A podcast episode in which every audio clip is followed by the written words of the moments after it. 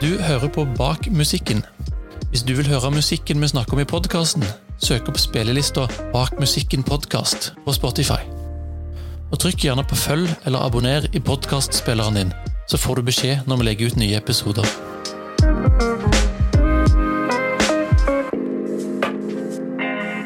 Jarle eller Bernhoft eller Jarle Bernhoft, hva, hva går vi for? Nei, Begge deler funker. Jeg heter jo, Mitt fulle navn er jo Jarle Nordmann Bernhoft Sjødin, så her er det bare å velge og vrake fra øverste hylle. Bra. Hvor, hvor sitter vi nå, Jarle?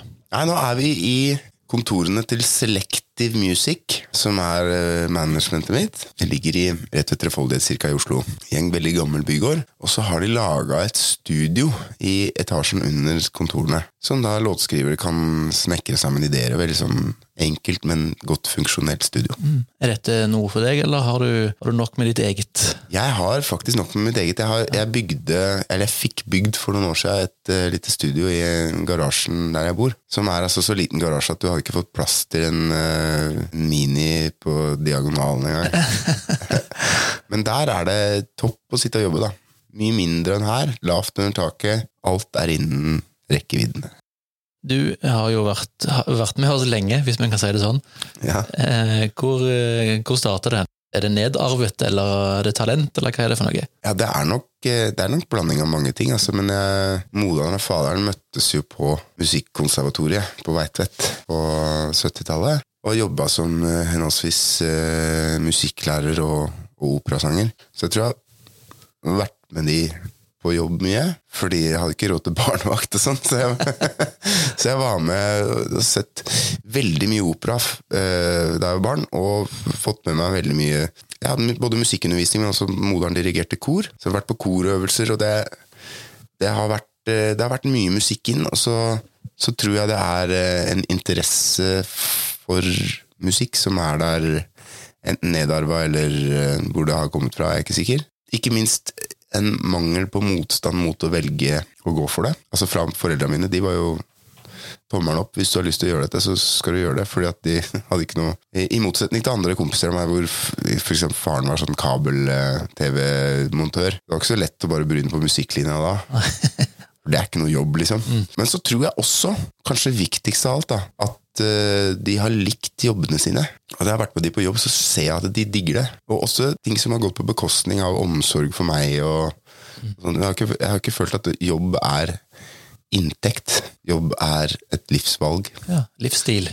Ja, og det tror jeg er det viktigste. At jeg har sett fått veldig gode eksempler i moderen og faderen på en arbeids, eh, arbeidsmoral, men arbeidslyst. liksom. De har lyst til, lyst til å jobbe. Har, har den operagreia påvirka musikken din på noen måte? I veldig liten grad. Ja, Det høres ikke veldig operaaktig ut, men det kan jo være det et eller annet der som, ligger i bunn. Nei, det, det kan nok være sånn sangteknikk og pusteteknikk som, som kan være nyttig å få med seg. Akkurat der, det jeg driver med, det, det er det verken moderen eller faderen har noe særlig følelse, sånn der fingerspitsfølelse for den musikken.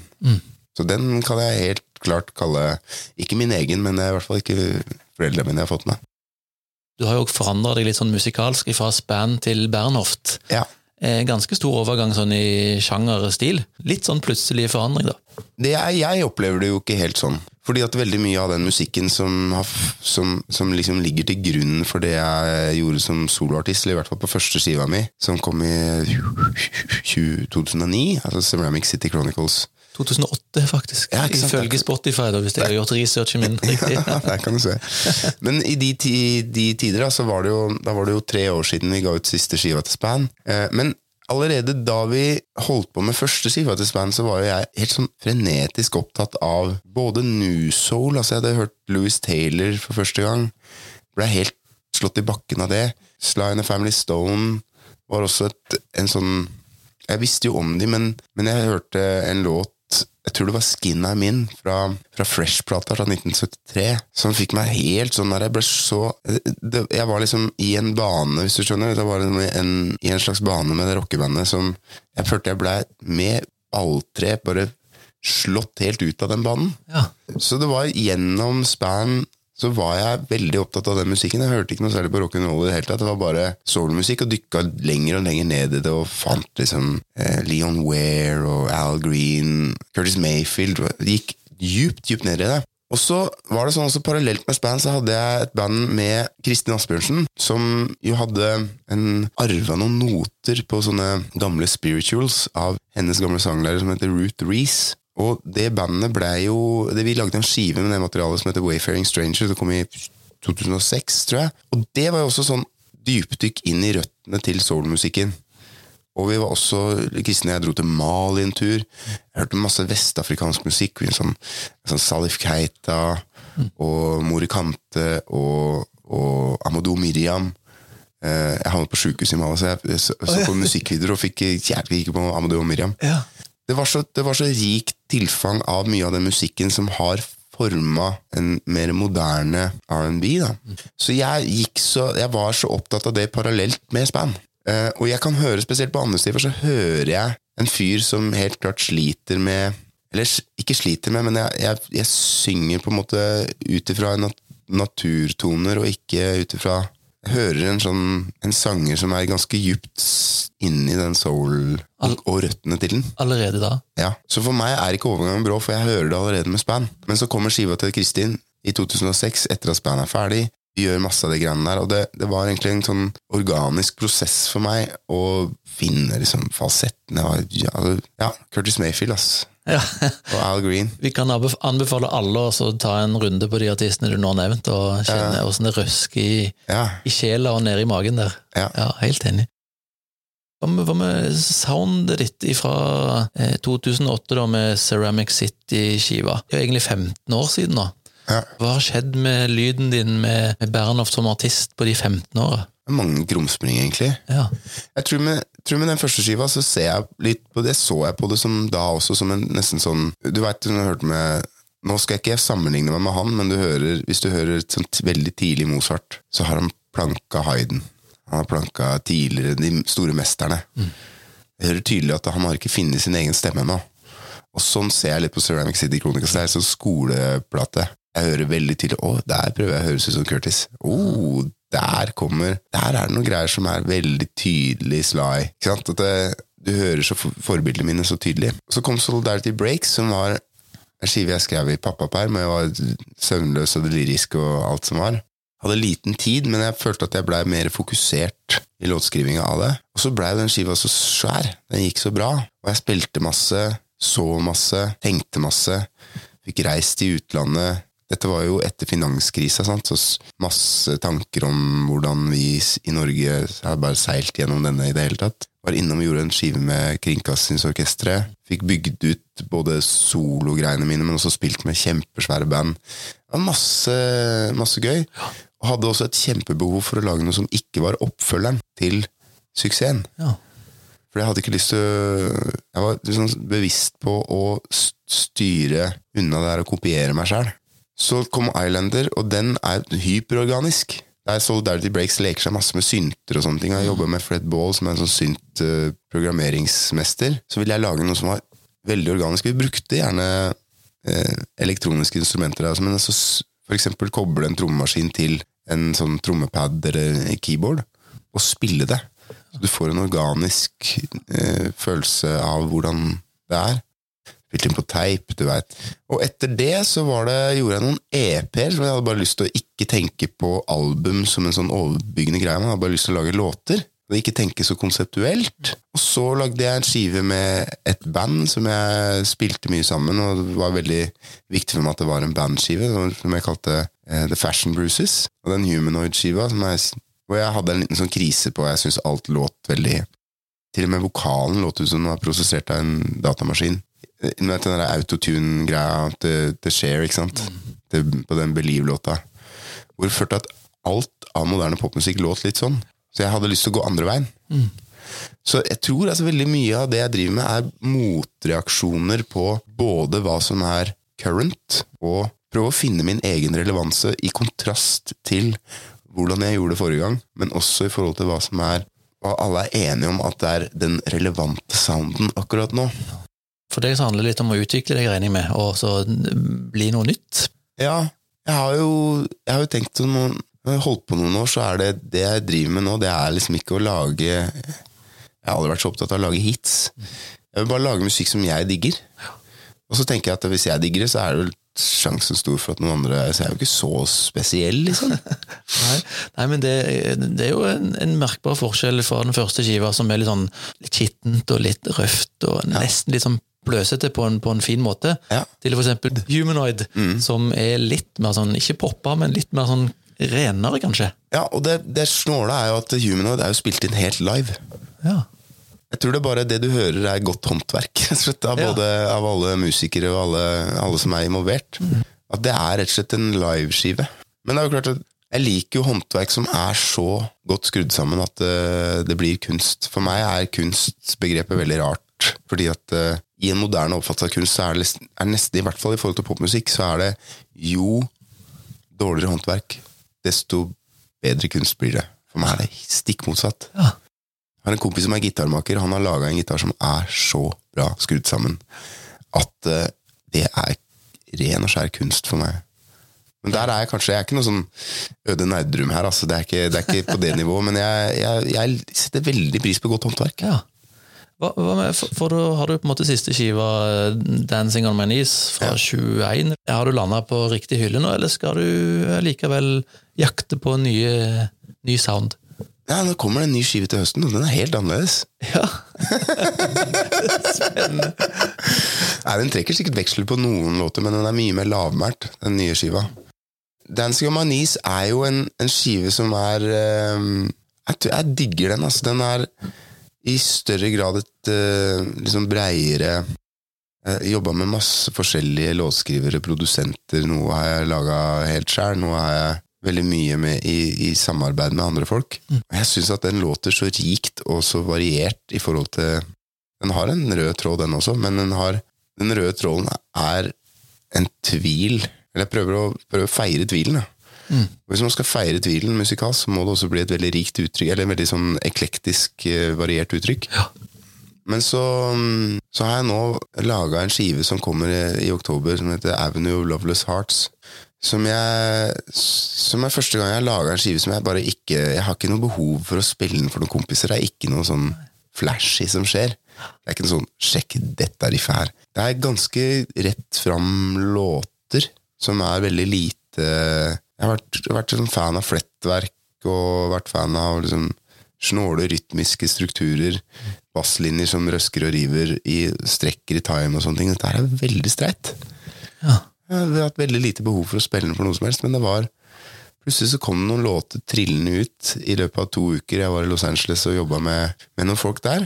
Og det var bare sånn hyperorganisk. Det bare, låtene bare rant ut, og det er et tekstunivers som er mye mer sånn Masse kjærlighetsviser og masse sånn én-til-én-kommunikasjon der som jeg har styrt unna i låtskrivinga mi.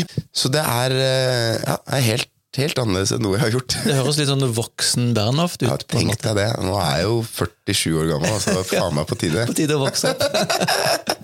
Hva, hva tenker du, hva ønsker du at folk skal sitte igjen med etter enten hørt en plate med deg eller vært på, på konsert med deg? Ja, det er Jeg har hatt en sånn derre programerklæring at jeg vil gjerne at folk som har vært på konsert med meg, skal ha lyst til å tilbringe masse mer tid i hverandres selskap. Jeg har opplevd det på noen konserter. At jeg har lyst til å dra på telttur med hele den gjengen her, for dette var faen et nydelig sånn communion-erfaring. En experience. da. Og det har jeg hatt lyst til, og det har jeg følt at jeg får til noen ganger. Ikke alltid, men jeg sikter mot det, og når det, når det skjer, er det fantastisk. Men jeg tror med skive så er det jo annerledes, fordi det er mye mer privat, eh, sånn personlig opplevelse, sant. Og jeg tror først og fremst så vil jeg at folk skal ha lyst til å høre dette igjen. Og gjerne eh, Det er jo ikke så hipt eh, nowadays med, med spillelister, og, og folk lager sine egne greier, men jeg lytter jo til album i den rekkefølgen det presenteres, for det er en tanke bak. Historie på et eller annet vis. Ikke sant? Det er en dramaturgi som noen har tenkt gjennom, og den er hypp på, i hvert fall i første grad, bare høre på. Trenger ikke respektere den, kan være uenig. Eh, kanskje jeg syns at noen låter burde ikke være med, eksempel. At jeg elsker denne skiva, bortsett fra den låta. Sånn har jeg det med både den Vanguard-skiva til D'Angelo. Der er det en låt som jeg syns ikke burde vært der. Jeg liker plata bedre uten. Sammen med Dine Øgon, siste skiva til Dine Øgon. jeg, jeg bare liker ikke den, akkurat den og den låta, men jeg skal høre på det før jeg fatter en dom, da. Og så ja, jeg vil nok at folk skal sitte igjen med at de har lyst til å høre den igjen, og når de har hørt litt på låter og kanskje fått med seg noe tekst og sånne ting, blir eh, får lyst til å finne ut litt hvordan dette kan påvirke eget liv. Jeg elsker jo å være at det er bruk for meg, så skjønner jeg. Ja, ja. Det beste med musikk for oss som hører på, er jo at man kjenner seg igjen i det og kan assosiere seg med både tekst og musikken, på en måte. Ja. Ja. Og så er det jo litt i popmusikken at man prøver, å, man prøver nok eh, i en sånn industriell popmusikk, i hvert fall. da. Eh, altså at musikken blir industri, og lage noe som er et slags minstefelles multiplum. Mm. at folk kan kjenne seg inn i. Det er jo derfor det er så mye sånn gutt møter jente, jente forlater gutt, gutt er eh, kjempetrist og lager en dryppende ballade om eh, kjærlighetssorg. Eh, at det, det er jo 14 av de på dusinet, de låtene der. Eh, men det fins også andre ting som er verdt å Som er i en slags eh, gjenkjennelsesfaktor, da. Som jeg jo prøver å snakke om. Mm. Du snakket om scenen og det å fange publikum, som du er, er bra på. Fortell litt om tankene dine om, om publikummet ditt. Jeg er jo velsigna med et veldig bra publikum, syns jeg selv. da. Det er jo en, en forutsetning. der. Men jeg tenker jo litt sånn Ok, dette kan bli langt, for dette har jeg tenkt mye på. Jeg tror, jeg tror For det første så tror jeg det, det smitter å se folk som trives med det de gjør. Det, det tror jeg folk har lyst til å være med på. Og når det er performativt og jeg er på en scene, så, og jeg helt klart elsker å være der, så tror jeg det tror det smitter over på folk. Altså, de, har lyst til å, å få med seg det. Og så syns jo jeg, da, at i likhet med de lærerne du hadde på skolen som bare hadde det, eller i kontrast til de lærerne som ikke nødvendigvis hadde det, og som kjefta, så syns jeg at det er artistens jobb å sørge for at folka som er der, følger med på det de gjør. Og jeg syns det for ofte blir lagt ansvaret på spesielt et norsk festivalpublikum. da. Kommer som, julekvelden nede der hvert år. Så er det noen artister som kjefter på publikum og sier at det, det er for mye prat. Og de er respektløse. Det kan ha noe for seg, men jeg syns punkt én alle, inkludert meg sjæl, må gå i meg sjæl for å finne ut hva jeg kan gjøre bedre for å fange oppmerksomheten til folk. Og Hvis jeg ikke får til det, så må jeg jobbe med det. Og hvis jeg også tenker at det at folk prater sammen, er en god ting For selv om folk bruker kjeften på restaurant til å smake på mat, så prater de også med hverandre. Og det syns jeg også er greit når det er musikk, at folk bruker øra til å høre musikk, men det er en sosial sammenkomst. Og mange av mine favorittskiver, liveskiver Altså, tenk på Aretha Franklin på Fillmore. Eller Donny Hathaway live. Det er masse tjatring. Folk sitter og spiser kyllingvinger og, og har en passiar med hverandre, men de følger også med. Når det skjer noe jævlig gøy på scenen, så er de med på det. Så jeg tenker at jeg vil utfordre meg sjæl på f.eks. å spille så lavt som overhodet mulig. Og da skjer det noe med publikum, fordi at når de blir tatt på alvor Altså Hvis det er sånn at det, på den ene siden så er det ekstremt intimt, på den andre siden så er det også litt sånn Og det, det tror jeg er respektfullt for publikum. Sånn, jeg sier noe til deg med denne stemmen her. For de lærerne som hadde det, de kunne bare prate lavt, og folk hørte etter. Absolutt. Men så er det også noe med den faktoren at eh, hvis artisten spiller så lavt at eh, hvis du nå står bakerst og sier noe til han som står ved siden av deg, så hører alle det. Inkludert artisten. Og jeg kan finne på å svare frekt midt i en låt. Hvis det er noen som sier noe. For jeg hører det veldig godt. Og så tror jeg også da at jeg har gjort noen bevisste valg. eh, I og med at jeg har lyst til å fornye meg og sånne ting. Jeg gidder ikke å spille den samme låta helt likt som da den kom ut. Jeg forbeholder meg retten til å vri og vende på versjoner. Og spille ja, For jeg digger det som publikummer. Når en artist har en versjon av en låt som er helt annerledes enn på skiva, så er det sånn Å, det er den låta! Det er så kult! Feel Like Making Love, for eksempel. D'Angelo har en liveversjon av den fra Stockholm, Live in Stockholm-skiva si. Som er helt annerledes enn skiva, og helt annerledes enn en, uh, Roberta Flack sin versjon. Så ja, det er, så, så helt fantastisk. Og det putter også Det skreller vekk ganske mange potensielle publikummere. Det kan hende at jeg har valgt vekk en Spektrum Size eh, venue til fordel for en Rockefeller-størrelse arena. Men jeg har også skrelt vekk det publikummet som vil høre Come On Talk akkurat som den er spilt inn. Og det er også et eh, Jeg tror ikke jeg hadde et bevisst valg om at jeg skulle ha et mindre publikum. Men jeg vil ha et publikum som, er, som forventer å bli overraska, og liker det. Og det en av motivasjonsfaktorene for å gjøre den sologreia di med, med Lupedalen og de tinga der, at du ville gjøre ting på ny måte, eller hadde det andre bakgrunnsting?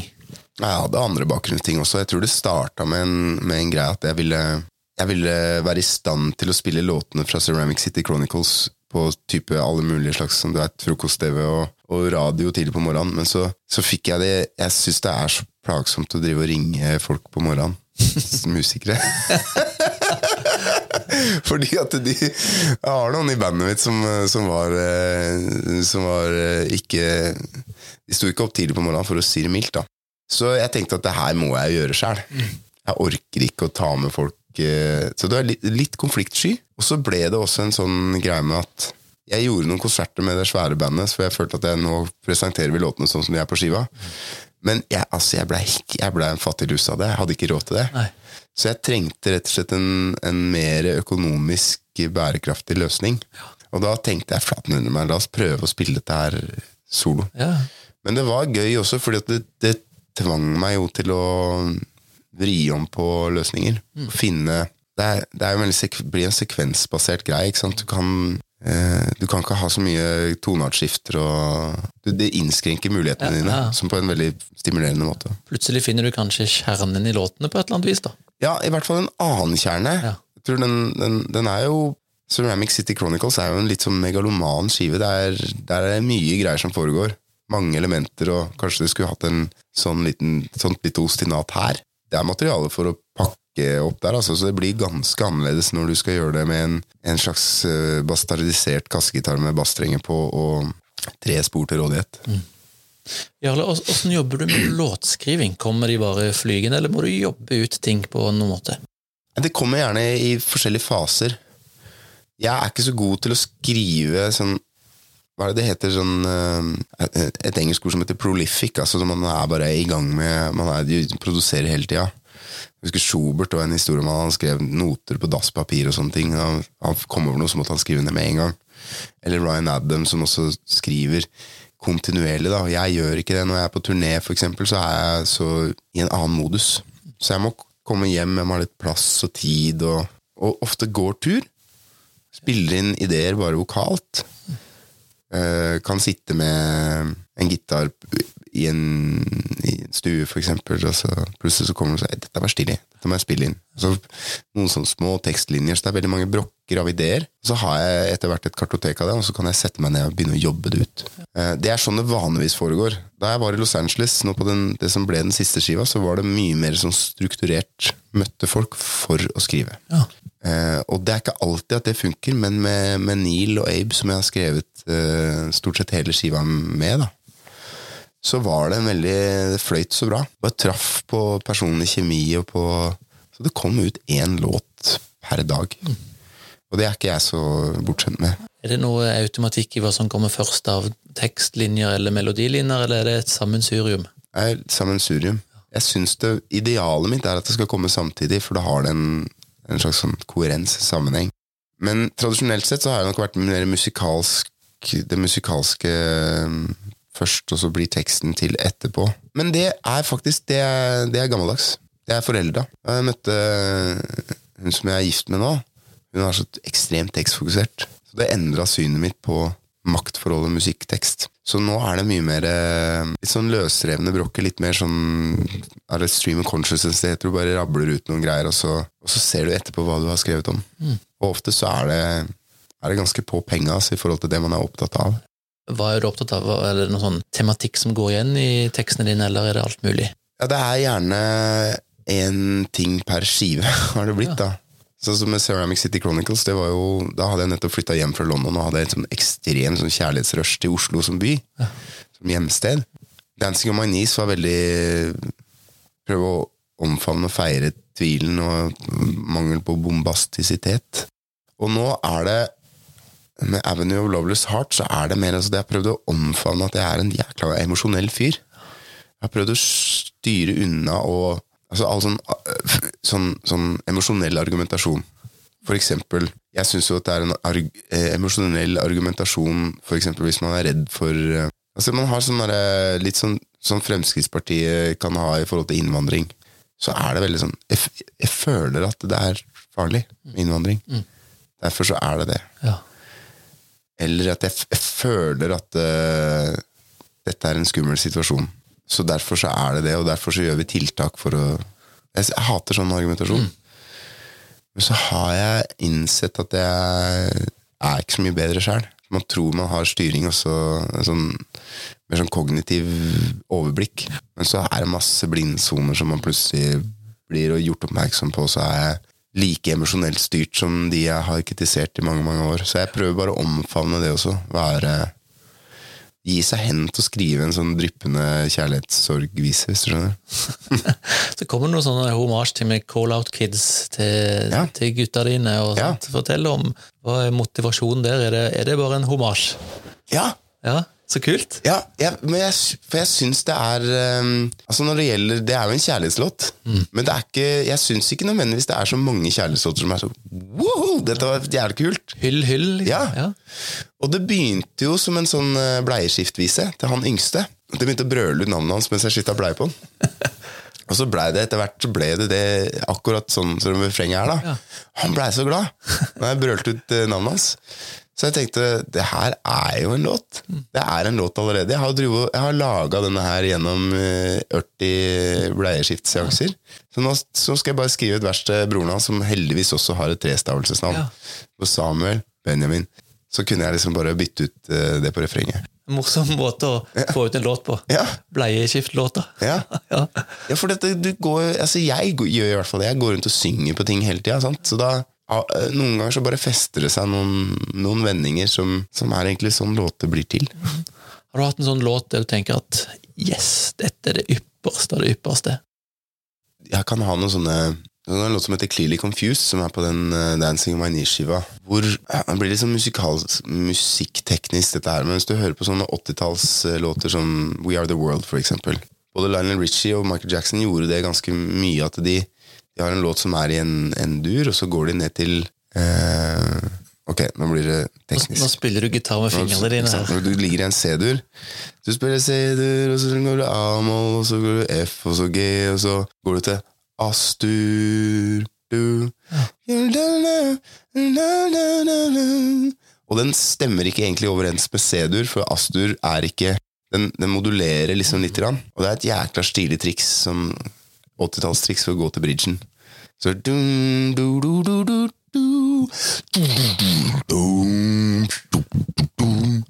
Som We Are The World er et bra eksempel. Ja. Og så fikk jeg liksom det for meg at eh, nå er jo Ok, nå er eh, refrenget på Clearly Confused som kom først. Skal vi ikke prøve å lage et vers som er sånn som bridgen er på de låtene? Nesten i en annen toneart. Ikke sant? Så, så, så vers og refrenget beveger seg på liksom et slags relatert plan.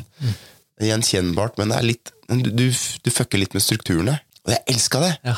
Og jeg elsker det fortsatt når vi spiller den låta. Så Det er så fint. Og så syns jeg at vi fikk noe til med både Jeg skrev strykearr for første gang. Det, det er to låter på den skiva som jeg syns er liksom Den som heter Pretty Baby Love også, som jeg skrev strykearr. Og det var liksom jeg Følte at jeg fikk til noe sånn egenart da, med strykearret. Så, så det er noen låter som du blir litt ekstra glad i. Ja, det er det. Eh, Det er det altså. Men stort sett så tror jeg at jeg er kanskje mest glad i de låtene som jeg ikke har spilt så mye live. Ja.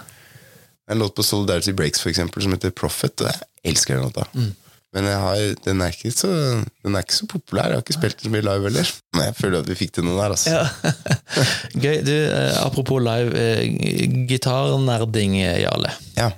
Du er jo en uh, gitarist, og så snakket du om en uh, planke som en kompis hadde lagd deg, til deg, eh, som var helt rått skrudd sammen. Eh, Mm. Ja. Er det fordi han låter bra, eller er det fordi det føles bra, eller er det av hva du kan få ut av han i kombinasjon med amp og bokser og sånt? Ja, det, jeg må spesifisere, det er verken planke eller til meg. Nei. Han har bygd, rett og slett, han, han lager eh, stringsving-gitarer. Altså sånn Ah. europeisk eh, jazzgitartradisjon. Ja, Så det er en eh, topploada, altså vanlig kassegitar er jo strengene festa i lokket, så da må du ha sånn X-bracing under, spanter. Mhm.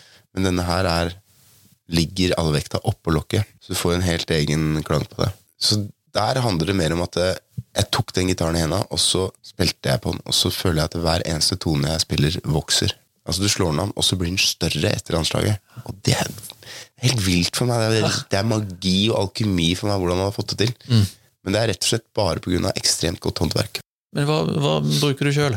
Jo, altså nå har jeg Jeg har en uh, Fram til for kanskje seks-sju år sia, så var jeg en sånn uh, Spilte på hva som helst. Forsterker jeg forsterker. Og, og så fikk jeg en sånn Jeg tror det er 40-årskrisa mi, rett og slett. Løsninga mi på å komme meg ut av den funken hvor jeg følte meg helt irrelevant, og alt låt uh, prosessert og, og dataanimert, liksom. Som jo Humanoid er en, en slags musikalsk reaksjon på. Men den utslaget kom litt før, at jeg tenkte at jeg må bare gjøre mer av meg. Jeg må spille mer gitar. Og da, da gjorde jeg noen grep som uh, begynte å forske litt mer på lyd, begynte å gå litt mer inn i uh, gitaren som instrument. Og har endt opp via masse altså Jeg har kjøpt masse gitarer som jeg er forelska med, som jeg fortsatt bruker, men så har det kommet nå én gitar som på en måte føler har transformert hvordan jeg spiller. Og det er en, det er en sånn sak fra, fra Toronto i Canada som heter Frank Brothers. Som jeg har fulgt på Instagram lenge, og så plutselig så, så la de ut en gitar som de hadde bare bygd fordi de likte det, liksom, og så så jeg på den, så Den! Den roper på meg. Ja. Så jeg kjøpte den for forskrækelig mye penger. Og, og den, den er også sånn som den, den synger altså så sterkt i hendene mine. At jeg, jeg har blitt jeg spilt, spiller mindre. Jeg spiller løsere. Ja. Spiller mye bedre. Og den, så går det gjennom selvfølgelig masse bokser og sånne ting. Jeg har, eh, jeg har noen sånne jeg har sånn god, godt gammeldags pedalbrett hvor alt går inn i alt. Ikke sånn eh, mer sånn moderne midi-styrt eh, greie, men Analogt. ja, og det er både den ene, ene og den andre Det er veldig mye som går på egentlig å, å booste signalet, sånn at det kommer inn i forsterkeren og, og moser liksom det første røret. Litt sånn at det, den knekker opp litt tidligere Ja. enn den Som er både praktisk, fordi at du trenger ikke å spille så høyt for å få det til å låte fett. Og jeg spiller da også på sånn superreverb-amp som, som låter veldig mye. Ja. Fra, må, fra Fender. Ja, jeg har eh, to stykker, en fra 1973 og en fra 1965, og den 73-ampen som er sånn silverface, som jeg bruker mye live, og da, må, da har jeg sånn pleksiglasskjerm foran, så ikke første raden får grilla trommehinnene sine. For du spiller høyt på scenen, er det sånn? Ja. ja. Kort og greit. Kort og greit, ja. Ja, I hvert fall når jeg spiller med bandet, da, da blir det litt sånn Ja, jeg har gjort ufattelig mye forskning på dette her, altså, men jeg merker også at det blir Jeg er mye bedre nå enn jeg var før. Så det er altså Don't get me started på gitar. eh, På stæsj. Ja, ja, fytti helsike. Det, er- det er helt vilt. Hvis du skulle hatt med deg én boks og en amp eh, inn i evigheten, da, hva hadde det vært? Nei, da tror jeg jeg hadde valgt uh, Altså, da skulle jeg forkasta um, boostene. Fordi at én amp, da superverben. Og silverfacen. Jeg syns den er litt mjukere i kantene enn den blackfacen fra 1965. Som er den som alle går til. Men jeg, jeg, jeg, jeg er partial til Ja. silverfacen. Ja. Og så har jeg tatt med Jeg har faktisk tatt med Strymon. En El Capistan-boks som er en sånn tape delay. Som bare modulerer en, en, en Space Echo, rett og slett. Eller, og gjør det så bra. Ja. Og har alle mulige oscillerende greier. Og det er, det er så digg. Leke litt. Fy søren, det er deilig, altså. Vi skal gå inn for landing her, Jarle. La oss snakke litt mer om, om, om, om livespillinga. Hva er rutinene før du skal på scenen? Er du rolig? Er du nervøs? Hvordan, hvordan funker det? Jeg er ikke spesielt nervøs, men folk som kjenner meg godt, ser at jeg begynner å få litt sånn tusenmetersblikk i noen timer før. Litt fokusert? Ja. Og så har jeg for eksempel eh, må prøve å spise litt mellom lydprøve og gig. Det er viktig å spise i god tid før. Jeg må ha minst to timer mellom. Ja. Har jeg funnet ut at funker for meg, da. Og så må jeg så begynte jeg å være veldig nøye på å varme opp. Så jeg gjerne prøver å gjøre litt sånn generelle fysiske strekk og styrkeøvelser. Og så minimum en halvtime før vi går på scenen, så synger jeg. Bare har Jeg gidder ikke gjøre masse sånn øvelser, men jeg har noen låter som jeg veit funker. Ja. Som jeg har sunget i hjel. Men jeg veit at de funker. De får stemmen opp dit hvor den skal være. Låter jeg liker å spille. Ja. Og så, når jeg har gjort det en del ganger, så merker jeg at folka i bandet begynner å slenge seg på, så blir det en korfest, da. og det er så fint også. Føler at man, man samler seg inn på hverandre. Ja, synge sammen er så viktig. Jeg syns det er så viktig med det med Viktig måte å bygge empati og, og kjærlighet på, er å synge sammen. ass. Det har du fra oppveksten din med Ja, jeg- korverden. tror, jeg tror det, altså. Både moderen som var kordirigent, og farsan farsan som sang i operakoret. Ser eh, kruttet i det, ass. Kjenner på det. Så det har blitt sånn at eh, folk blir med og korer, og så, så er alle egentlig veldig hypp på å bli bedre på, på håndverket sitt. da. Fordi alle i bandet synger. Så det er en ganske sterk korepakke, som tre- både trengs, og som, som jeg veit at folk kikker på. Så det er egentlig rutinen er der. Og så, og så har jeg en rutine også når jeg kommer av scenen. Som er å legge meg ned på gulvet og bare ikke gjøre noe som helst. Ikke telefon, ikke prate med noen, ikke bare ligge flatt ut. Ja. Hva gjør du da? Er det for å lande, er det for å reflektere, eller hva gjør du? Det er for å lande. Eh, Det er ikke så mye, det kan være refleksjoner der, men det er ikke så ofte det. Det er bare å prøve å kjenne på pusten. Jeg blei gjort oppmerksom på det for en stund siden, hvor mye du øser ut av deg sjæl ved å stå på scenen. Jeg har jo sånn tenkt at jeg har verdens beste jobb, fordi at jeg får så mye tilbake igjen. Jeg av et publikum som Ja, du veit. Det er jobben min å stå der og få applaus. Det er jo ganske weird. Men, men også bare bli klar over hvor mye det koster. Og at det må du Du må hente deg inn. Og hvis man på en måte går backstage og bare yeah! og jekker seg en øl, og så er det Så har det hatt eh, effekt på meg at jeg, jeg blir dritsliten. Ja.